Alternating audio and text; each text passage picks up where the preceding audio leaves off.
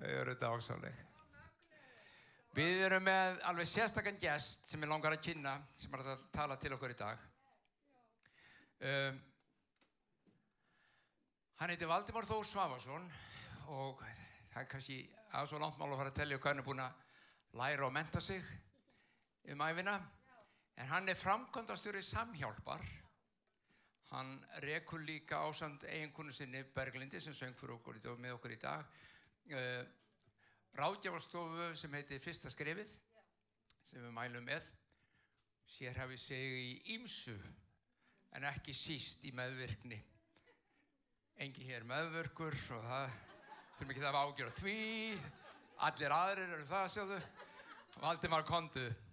Fyrsta, Kondu hérna. Og eins og ég segi, ég get haft svo mörg orðum til að kynna hann. En fyrst og fremst var hann bara vinu minn. Góður vinu minn. Sannur maður. Gjör þessu velunur.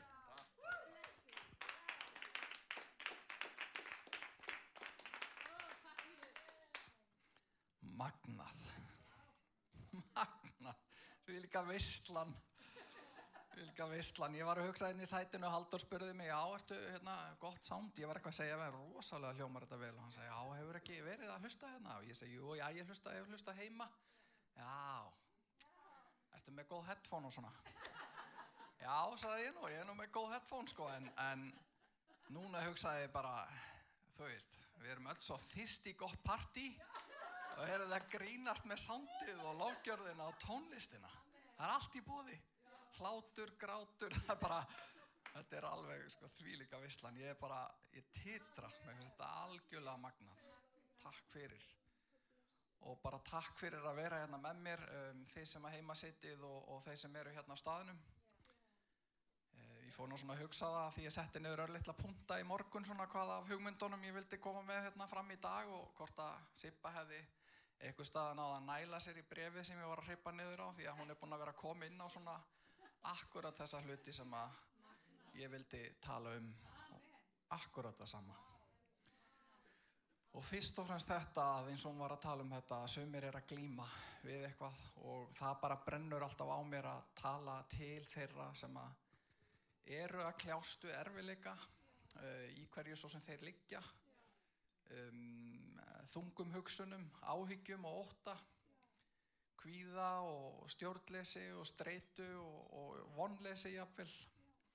Ég veit þetta er mjög svona deprimerandi upptalning en, en það eru bara mjög margir þar.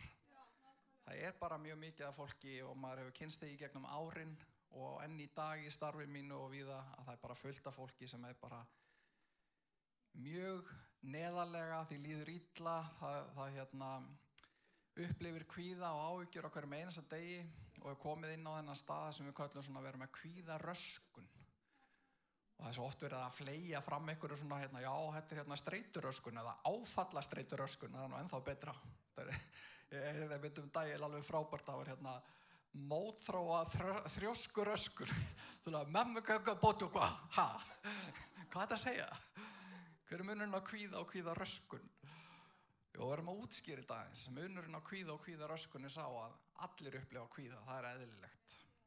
Það er bara heilbrygt. Allir upplifa streitu, það er eðlilegt og það er heilbrygt.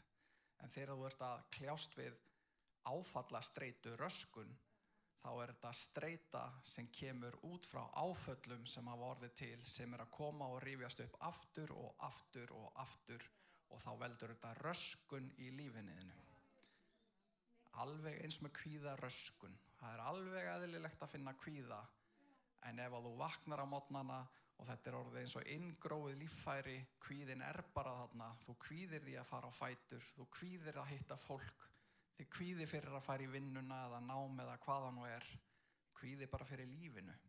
Þá er þetta orðin röskun sem er að raska lífinu þín og hefur áhrif á hvað þú gerir og hvað þú gerir ekki. Þessum er talað um kvíðaröskun bara svo við tökum aðeins svona skilgreiningarnar og höfum þær á hreinu.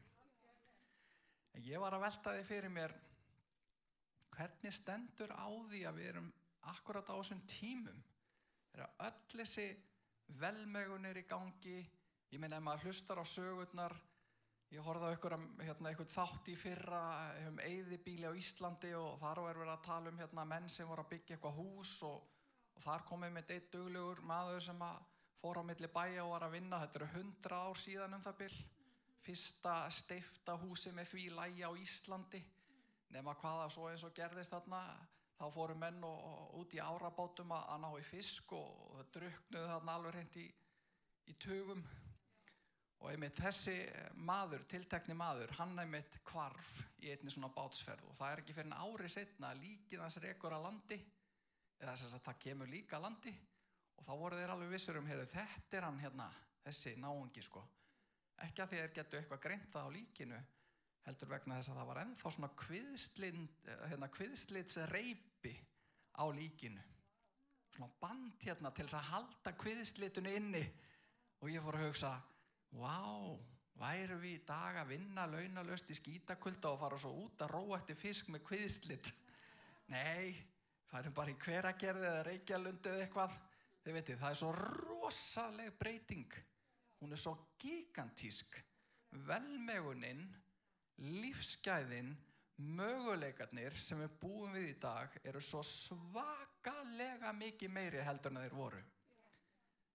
En á sama tíma eru fleiri og fleiri að þjást af þunglindi, kvíða, alvarlegum áhyggjum, streitu, streituröskun og svo má lengi telja. Hvernig stendur á þessu?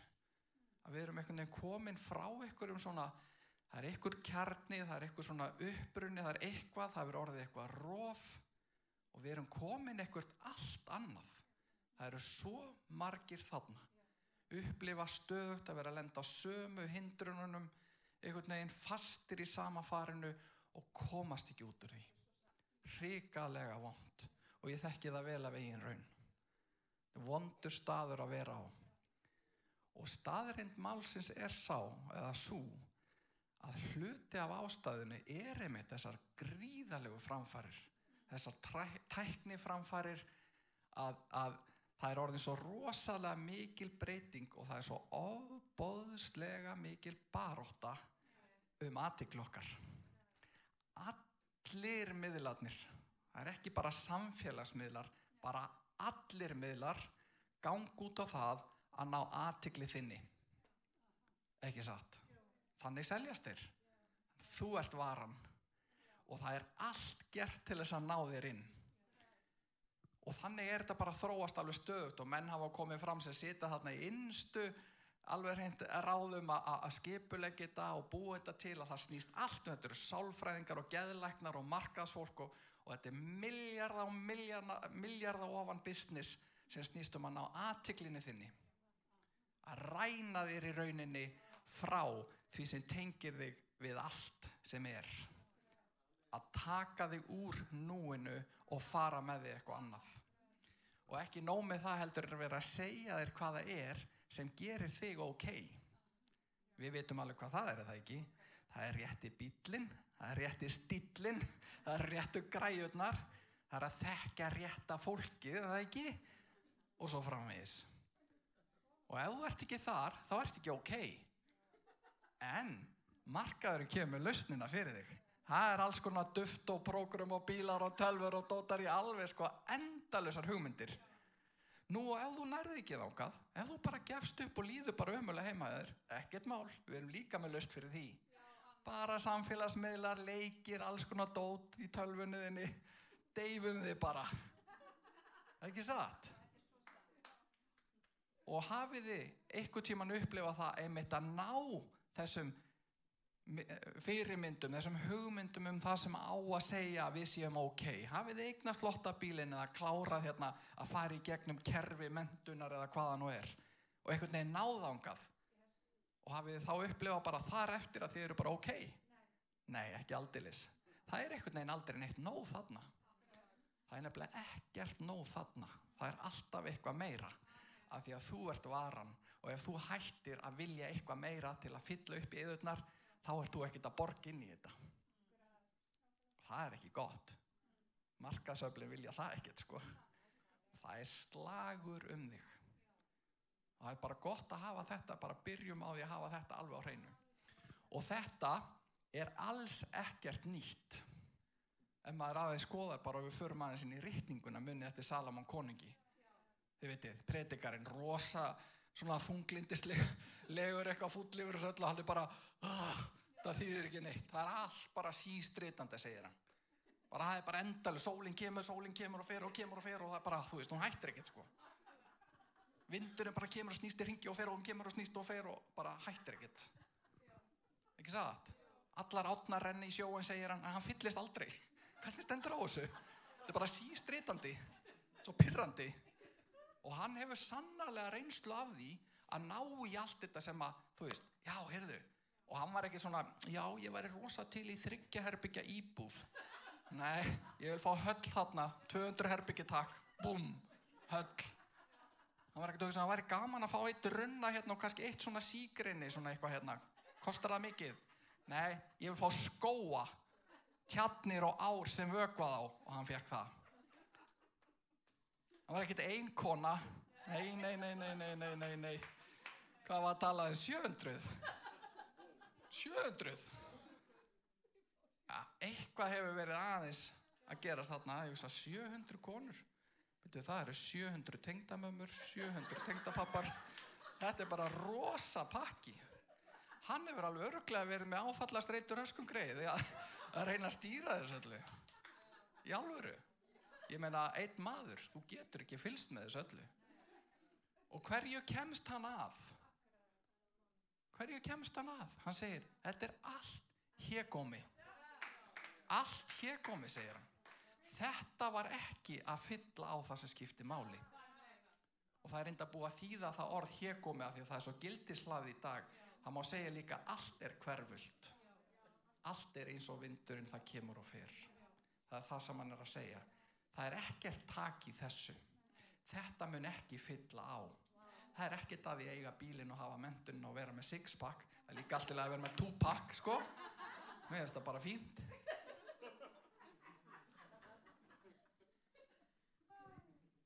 Já, mér finnst það fínt. Ég meina. Preach it brother. Lesum hérna. Beint upp úr predikaranum. Hlustiði nú Hvaða gagn hefur maðurinn af öllu erfiði sínu sem hann streytist við undir sólinni Ein kynnslóð fer, önnur kemur en jörðin stendur að eilífu og sólinn rennur upp og sólinn gengur undir hraðar sér aftur til samastað síns þar sem hún rennur upp á ný Vindurinn gengur til suðus og snýr til, sér til norðus, hann snýr sér og snýr sér og ringsnýst á nýja leik. Allar ár renna í sjóin en sjórin fyllist ekki. Þánga sem árnar renna munu þær áallt renna. Allt er sístritandi. Engin maður, lustið, þetta er svo, engin maður fær því með orðum líst augað verður aldrei satt af því að sjá og eirað verður aldrei mett af því að heyra. Það er aldrei neitt nóg. Og við erum að leita. Og okkur er sagt hvað það er að finna.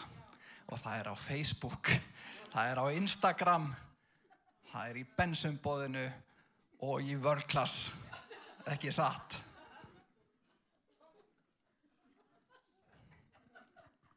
Og vandin við þetta er og það sem er að koma meir og meir á fram og þetta eru rannsóknir að sína í hrönnum að það er verið að þjálfa heilan okkar í svolítið sem heitir á ennsku instant gratification. Það er verið að þjálfa okkur eins og róttur í að þurfa stanslöst að fá fix. Eitt myndband, næsta myndband, næsta mynd, að þetta er þreytandi, næsta, næsta. Hefur ykkur upplifað það að vera að horfa á bíómynd eða bara eitthvað þátt í sjóarpinu og samt með síman í hendinni? Að því þetta er ekki nóg. Ég þarf aðeins meira. Hvað ef það kemur auglýsing? Á ég þá að skipta strax eða horfa á síman? Ég meina, Guð minn góður, ég geti drepist úr leiðindum. Og það sem við föttum ekki og er svo ótrúlega alvarlegt að bakvið þetta allt eru bara alveg grafalvarleg og nákvæm vísindi um hvernig hægt að þróa þetta að heiliðin sé alltaf að leita þessu fiksi. Ég kalla þetta bóðefnabull. Það er stanslöst verið að láta okkur reyna að fá svona smá fix. Eitthvað sem lætum við líða vel. En vandin er að þetta er skamtíma velíðan á kostnað langtíma hamingju. Það er það sem að baráttan snýst um. Það er það sem er verið að reyna að ræna af þér. Maðurinn lifir í tveimur heimum. Annar er veraldlegur og þar er að finna myrkur. Hinn er andlegur og þar er að finna ljós. Þannig er það bara. Og ég get alveg lofað ykkur því að baráttan er raunveruleg. Hún er ekkert grín. Hún er raunveruleg og þess vegna erum við að upplifa að við erum tóm, okkur líður ekki vel. Það sem gerist í þessum aðstæðum þegar það verða að hafa þetta áreiti alltaf fyrir framann okkur er að aðtekli spanið mingar. Ég meina almatur á maður að sitja og hlusta á alveg podcast í heilan hálftíma. Vá, eða lesa heila bók. Nei, get ekki bara fengið þetta einhvern veginn svona í aðalatrið, svona punta, bullets. Skiljiði, við erum að flýta okkur svo mikið. Það leggur svo mikið á. Skiljið við ekkert í því. Að við erum bara öll eitthvað tóm og vonlus. Hvíðin og hrætt. En það ekki? Ég er að segja eitthvað það. Þetta er bara streytuvaldur á streytuvald ofan. Við vöknum og sopnum og allan daginn er byllandi streyta í gangi. Og vertu í streytu nógu lengi og viti menn líka miðin gefst upp. Þú endar í hveragerði ef þú ert svo heppin. Af því að það er svo mikið í gangi innra með okkur, alls konar bóðefni og dóti í gangi, nýrna hetturnar og allt á fullu og hann gefst bara upp fyrir rest. Þannig að við erum að tala um að andleg vandamál sem þetta er, það er að segja upplifanir hvern okkur líður, það sem við erum að upplifa um okkur sjálf, hver við erum, það þróast yfir í að verða sálræn vandamál og líkamleg. Og hvað gerum við? Við erum alltaf að reyna að laga innkennin. Ah, líðu þið svona ræðila, henni pilla. Ha, gleiftu bara þrjári yfir daginn og vonum þetta lægist. Býtu hvað á að lagast? Hvað var gert? Nákvæmlega ekki neitt. Það er bara verið að fixa í bóðefnabullinu. Og það virkar, það getur alveg haft áhrif, en það er ekki langvarandi laust. Því miður. Og margir leiðast út í það að verða bara háðir alls konar lifjum og dóti og þá er ég ekki að segja að þau séu ekki góðu lægi. Þau eiga að hjálpa okkur tímabundið. Algjörlega. Ekki spurning.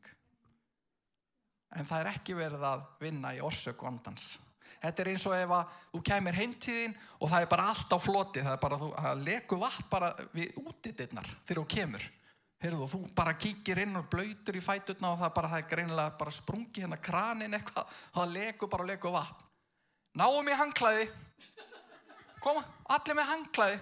Þurrkum, þurrkum. Allir sveittur og þreyttir að þurrka. Það fyrir enginn að skrúa fyrir intakið á vatninu. Þetta er nákvæmlega eins. Það er orsök vandans.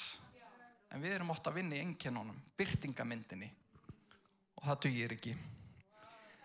Þetta er það sem er í gangi alla daga. Það er verið að ræna okkur aðtiklinni af því að það er hún sem er það verðmætasta sem við eigum fyrir markasöflin. Það er hún sem ákveður að við ætlum að verða áskrifandi hér og kaupa þetta hér og gera þetta hér svo að við séum ok. Og allir græða nema við. Ekki satt?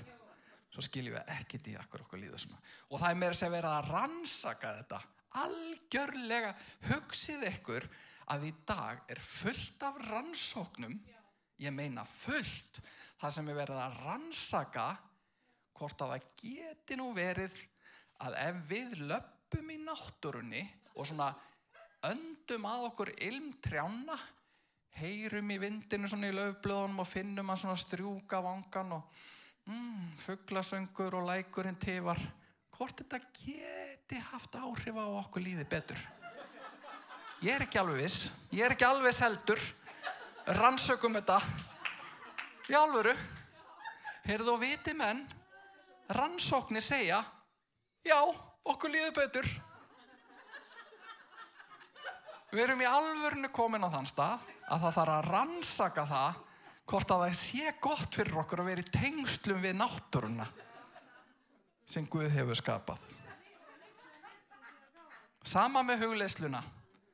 Það er verið að rannsaka þetta, það er enda búið að því mörgu sinnum. Það þurfti fyrst að búa til hugleislu sem er alveg laus við trúabröðmunniði. Það er svona dirty word. Köllum þetta mindfulness, já, já, þetta byggir ekki á neinu. En rannsóknir segja, hvað? Það virkar.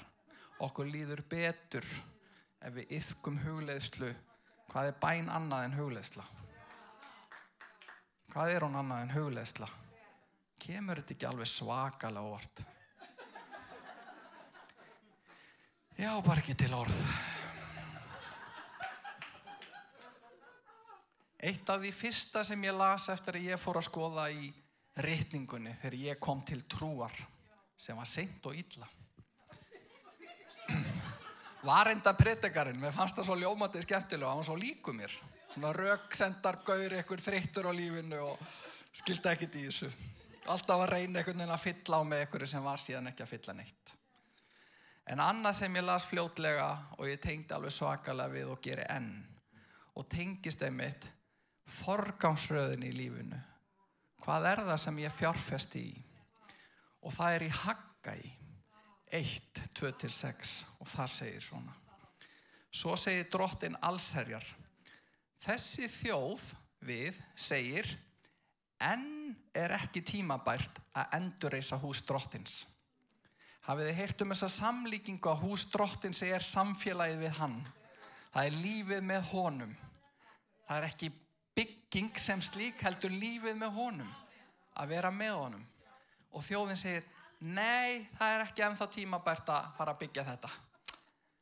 Og þá segir hann en er þá tímabært fyrir ykkur að búa í þyljuðum húsum sem sagt er, er allir, allir þið að byrja á því að ná ykkur í flotta spýtur og græja og byggja ykkar hús Þú ætlum ekkert að vera að gefa þessu ég ætla, ég ætla að vera sko tilbúið með allt hérna svo allir ég að fara að tala við Guð ekki satt Ég ætla bara, ég ætla að fara hérna aðeins og út að skokka og æfa mig svolítið, svo ætla ég að fara í rættina sko. Ég ætla að koma svona aðeins tilbúin sko. Það er svo erfitt að byrja alveg óvannur. Pínu skrítið. Ha, ha, ef ekki að byrja rétt um enda. Hann segir, er það ekki tímabært, er það tímabært fyrir ykkur að búa í þiljum húsum meðan þetta hús er í rúst, meðan samfélagi við mig er ekki til staðar. Því segir drottin allserjar, heyrðu, mér varst þetta svo magna sjáuð hvernig ykkur farnast? Bara, hvernig gengur ykkur? Bara, kíkjum á það, bara, hvernig gengur ykkur? Þið hafið sáð miklu en sapnið litlu. Þið getið en verðið ekki sattir þið drekkið en fáið ekki næju ykkar. Þið klæðist en ykkur hlínar ekki. Og sá sem vinnur fyrir kaupi vinnur fyrir því gödóta pingju. Hafið ykkur tján upplifað það? Ég ætla sko að græða og það er kannski bara fullt í gangi en ég er alltaf eitthvað svo blankur. Það er bara eins og að sé gödótt pingja. Það bara sapnast ekki fyrir. Alveg ótrúlegt. Það er bara eitthvað neginn guðvar upp. Þetta er spurningu forgánsröðin á hvað ætla ég að fókusera? Í hverju ætla ég að fjárfesta aðteglinni minni? Í hverju ég að fjárfestinni já því þau eru ekki að giska ég skal bara segja ykkur á alveg svo Sipa var að segja það þetta með valið að velja. Við höfum nefnilega frjálst val. Við getum valið. Að því að maður verður það að ég er eiginlega yfirleitt vissum að ég sé alveg með valið á hreinu að ég sé að velja það sem er best fyrir mig erum við ekki, erum við ekki lokkuð vissum það? Við erum alltaf alveg vissum að þetta er besta hugmynd í heimi. En hvað segja staðrindir svo erum við bara að gleipa pillur að því að okkur líður svo illa. Það er sennilega erum við ekkert að velja svo vel. Ekki alltaf. Og ég viðkynna það bara fúslega ég er bara mjög oft valið það sem er ekkert best fyrir mig. Það minnir mig á hérna ég heyrði um daginn á fundi. Það var svolítið skemmtilegt. Það var svona tólspor á fundi og þá saði eitt sko frá brefi sem hann saðist að hafa fengið sendt var frá Guði hann lasa og stóð frá Guði Sæl ég skal sjá um öll vandamáliðin í dag sem þú ræður ekki við sjálfur Eguðu frábæran dag. PS, ég þarf enga hjálp. Finnst þetta svolítið gott. Sleppa tökunum og trista honum.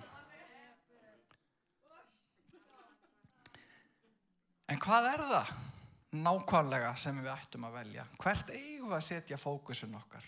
Hvert ætti aðteglina beinast? Í Matteu 6.21 segir Því hvar sem fjársjóður þinn er, þar mun og hjarta þitt vera. Og það er það sem barátta snýst um. Hún snýst um þig, um hjarta þitt, um aðteglina þína, um andlega lífið þitt. Og svo segir hérna í orskviðunum 4.23, varðveit hjarta þitt framar öllu, því að þar eru uppsprettur lífsins. Ah, þetta sem við erum að leita að. Það sem við nefnilega beinum aðteglina að, það vex. Á ennsku segja þeir, where focus goes, energy flows. Þanga sem þú beinir aðteglinni í því ert að fjárfesta. Ert að fjárfesta í Facebook.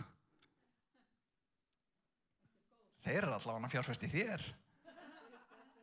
Vilt að það vaks í lífinu þínu? Vilt að svo upplifun sem þú upplifir þegar þú ert að skrolla niður og sér hvað allir er að meika það, að það vaks í lífinu þínu? Tómleikin og aftengingin og... Nei, er það nokkuð? Viljum við ekki fókusera á eitthvað sem er einmitt að vaksa og dafna innra með okkur sem lætur okkur líða betur. Það er nefnilega þannig að það er til ákveðin formúla sem ég er mjög hrifin af. Og hún er svona yfka pluss ægi pluss tími jaft og árangur. Þú varst að tala um aðan þolgæði. Hvað finnst þetta svo leiðilegt þetta með agan og tíma og eitthvað svona? Af því að ég þarf strax. Það er eðlilegt. Það er verið að mata okkur á því. Við eigum að fá strax, annars er ekkert varið í þetta. En það virkar ekki þannig. Þetta eru skamtíma velíðan, þetta er skamtíma velíðan á kostnað langtíma hamingju. Það er það sem við erum að, að berjast fyrir. Þá er ykkur að leika sér. Já, það er mikilvægt að hafa í huga af því að þetta eru andleg vandamál að við leysum þau með heilbreyðu andlegu lífi. Vandin er að okkur vandar andlegt líf. Og við eigum að fjárfesti því beina aðtikli okkar þangað þá mun allt breytast. Ég myndi þóra að leggja liklan af bílnum mínum hérna að veði meira til mér þess að ég hefði engar áhyggjur af því. Ef þú getur sínt mér fram á það að tímanum sem þú verð í alls konar miðla, ef þú myndir gera svona skiptitíl og nota hann í bara að búa til meira samband við Guð, ef þú getur komið til mín og hort í augun á mér og sagt að ekkert hefur breyst, þá máttu eiga bílinn. Það enda bara einn bíl, þannig að verða margir bara, því að verða bara að drífa ykkur, gá hver verður fyrstur. En þetta snýst ekki eins og um hvað mér finnst af því að það er búið að rannsaka þetta. Og við förum jú á því að halda, alveg eins og með að lappa innan um tríin, af því að ef það er búið að rannsaka þetta sé þannig að það hafi góð áhrif, þá er hægt að selja þetta inn í alls konar stofnanir. Á, þessi á við vandamál að stríða, heyrðu, við erum að finna eitthvað rólust fyrir hann. Já, hérna, það er búið að rannsaka þetta, það er að lappa með trjánum og læknum og finna lyktina löfblu á, ok, gerum það, sem er æðislegt, æðislegt, en það er ótrúlegt að við séum komin hana. Að við séum orðin svona aftengt því sem allt er, einhvern veginn, almættinu, Guði. Þessum er svo æðislegt að vera hérna í dag. Og þegar við hugsaum um hvert við eigum að beina fókus okkar að langa með að lesa upp hérna í Hebreabrefinu 12.1-3. Það segir Beinum sjónum okkar til Jésu, höfundar og fullkomnara trúarinnar. Hann leið með þólimæð á krossi og mat smán einskins af því hann vissi hvaða gleði beigðans. Hann vissi að það væri eftir þetta allt saman beigðans eitthvað gott. Hann var agaður, hann ástundaði, hann var agaður, það leið tími og það var árangur. Ekki satt? Þetta er svona. Þetta er, þetta er sem betur fyrir svona einfalt. Svo höfum við bara val. Við höfum algjörlega val. Og svo heldur hérna áfram. Og hefur nú sest til hægri handar hástólskuðus. Virðið hann fyrir ykkur sem þólað hefur slíkan fjandskap gegn sér af syndurum til þess að þið þreytist ekki og látið ekki hugfallast. Höfum hann sem fyrirmynd. Hugsið ykkur hvað hann þurft að gangi í gegnum. Hann gafst ekkert upp. Hann vissi að það byð hans eitthvað gott. Það er eins með þetta, þetta er ekkit flókið. Við vitum einst við þurfum ekki rannsóknir til. En þær eru hérna, ef við viljum þær. Það er búið að staðfesta það með rannsóknum að lífið með Guði, að aukið andlegt líf og tengslu allt sem hann hefur skapað, það lætur okkur líða betur. Og það sem kemur í ljós, að þegar að fólk færir fókusin þangað og fjárfestir í því, að þá lagast hittótið. Það er bara svo leiðis og kostar ekki krónu. Það er að besta. Það er ekki gott fyrir svona stofur eins og okkar sem er að rökka fyrir vinnuna en það er nú saga. Og taland um agan, þá segir einmitt hérna í Hebrea 12.11, við veist þetta alveg ekki, taland um þolgeði. Um stundarsakir virðist allur ægi að vísu ekki vera gleðið heldur til hrigðar.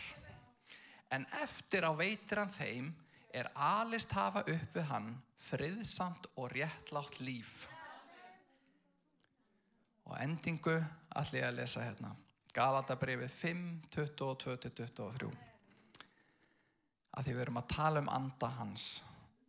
Til hvers að vera að færa fókusin þanga. Til hvers að velja þetta fram yfir eitthvað annað. Segir hérna. En ávöxtur andans er, hlustiði nú, kærleiki, gleði, friður, langlindi, gæska, góðvild, trúmenska, hóværð og sjálfsægi. Erum við ekki til í það? Frekar hann að reyna að fixa þetta á Facebook? Ég segi bara amen við því. Takk, elsku vinir, fyrir að vera hérna með mér í dag.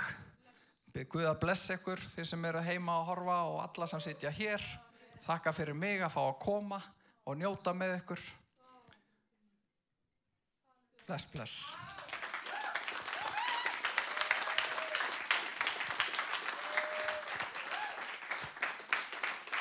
Já, hérna hér.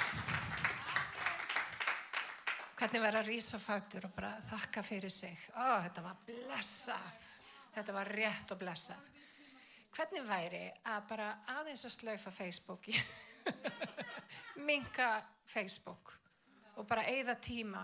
Viti, ég var spurðað um daginn, af hverju, af hverju, af hverju kirkja? Hvað er það þegar við komum svona saman? Hvað, af hverju skiptir þetta mál út af því að ég tek eftir því, eftir COVID, eða COVID er ekki búið, í mínum huga er það búið, en fólk er að leita af andlera lífi. Og það sem að gerðist í COVID, það var allt sett og stopp. Og það sem að við höfum tækifæri núna vinnir, það er að velja aftur í lífið og veljum þá bara svolítið vel.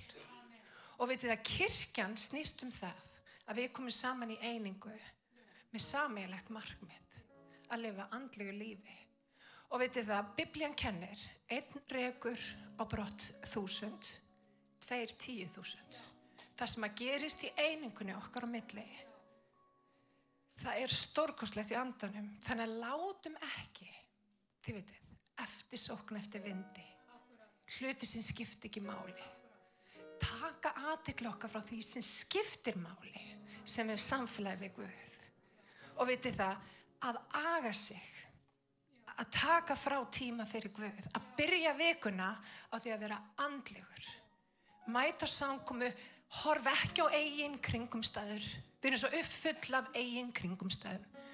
Hætta að horfa á það og fara að horfa á Jésu það er líkillin og hann sagði það svo vel á Valdimar. Vitið það, lausnin er svo einföld. Hún er Jésús og hann er hér og hann vil finna þig. Það er enginn það langt farin að hann ná ekki til hans. Það er enginn búin að synga þannig að það sé ekki eitthvað brú á milli. Hann kom til að byggja brú. Og hann elskar þig. Svo einfalt er það Þannig ef að þú ert hér og þú ert að hlusta mál mitt og þekkir ekki Jésu, þá langar mig til þess að bjóða þér að taka við honum. Og Biblian segir, ef þú trúir í hjartanu og játa með vörunum, þá myndu hólpin það. Þetta er svo einfalt. En þannig er Guð. Hann er bara svo einfaldur, hann er fyrir alla. Hann er aðgengilegur. Og hann elskar þig og hann elskar mig. Þannig að mér langar til þess að byggja bæn á nákvæmlega þessu og ég byrði ykkur um að hafa bænin eftir mér jáfnveil þóttu sér búin að segja hana þúsund sinnum segjum hann einu sinni viðbót kæri Jésús ég trú að þú hafi dáið fyrir mig Ég trú að þú hafi risið frá dauðum. Ég byrði um að koma inn í hjarta mitt í dag. Ég byrði um að reynsa mig af allri synd. Viltu fylla mig af heilugum anda? Viltu hjálpa mér að ganga gönguna með þér? Drottin Jésús, ég þakka þér en ég þitt barn í Jésu heila nafni. Amen og amen. Drottin bless ykkur. Í Jésu nafni.